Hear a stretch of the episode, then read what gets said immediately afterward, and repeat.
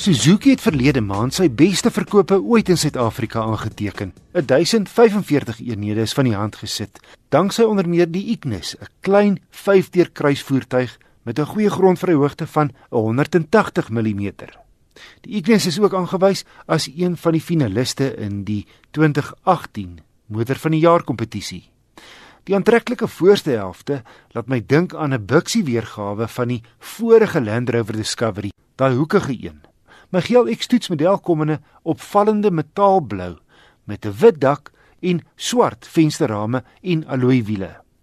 Met sulke groot hoefyster dagryligte voor. Van agter beskou is die Ignis se voorkoms wel na my mening minder suksesvol. Binne word die prettige tema voortgesit met dieselfde metaalblou elemente. Hier in die sentrale konsole en in die gryphandvatsels in die voordeure. Die ontwerp is funksioneel en modern. Verskeie kleure en afwerkingsopsie is binne en buite beskikbaar. En hy is nogal goed toegerus, sleutellose toegang, aansluiting, maatbeheer, elektriese spieëls wat ook kan invou, elektriese vensters voor en agter, kontroles op die stuur vir die klank en die telefoon drie sensors is welkom, maar hy het net twee ligsakke voor en geen elektroniese stabiliteitsbeheer nie.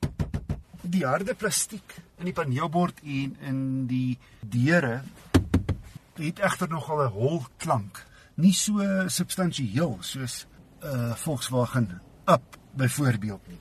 Die ruimte van die 3,7 meter lange karretjie het my nogal verbaas. sien die Ignis staan 1,6 meter hoog en dit beteken baie hoofspasie.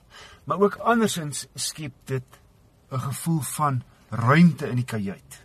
En ek het nou agter myself ingeskuif. Ek wat 'n lang ou is, kan agter myself sit. Dis nogal 'n unieke punt in so 'n karretjie met kompakte buiteafmetings. En die bagasieruim is lekker diep.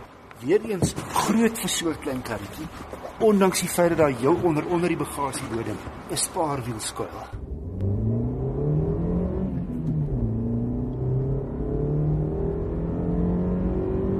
Danksy 'n gewig van net 851 kg, voel die 61 kW 1.2 liter heel lewendig.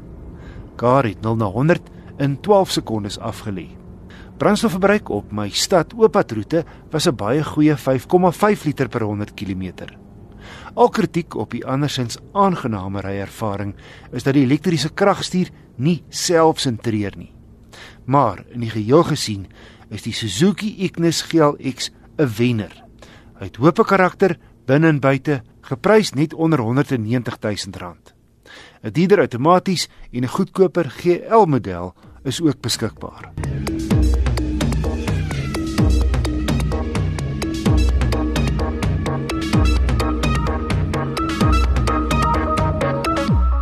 Al hoe meer voertuie word standaard met dagryligte toegerus, wat ek verwelkom, maar ek het al gevind dat sekere motors se dagryligte so skerp skyn dat jy nie altyd 'n flikkerlig wat reg langs die dagrylig sit opmerk nie.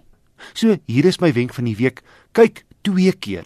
Daar's baie veranderlikes op die pad, maar ons is almal maar soms agterloosig en onoplettend agter die stuur.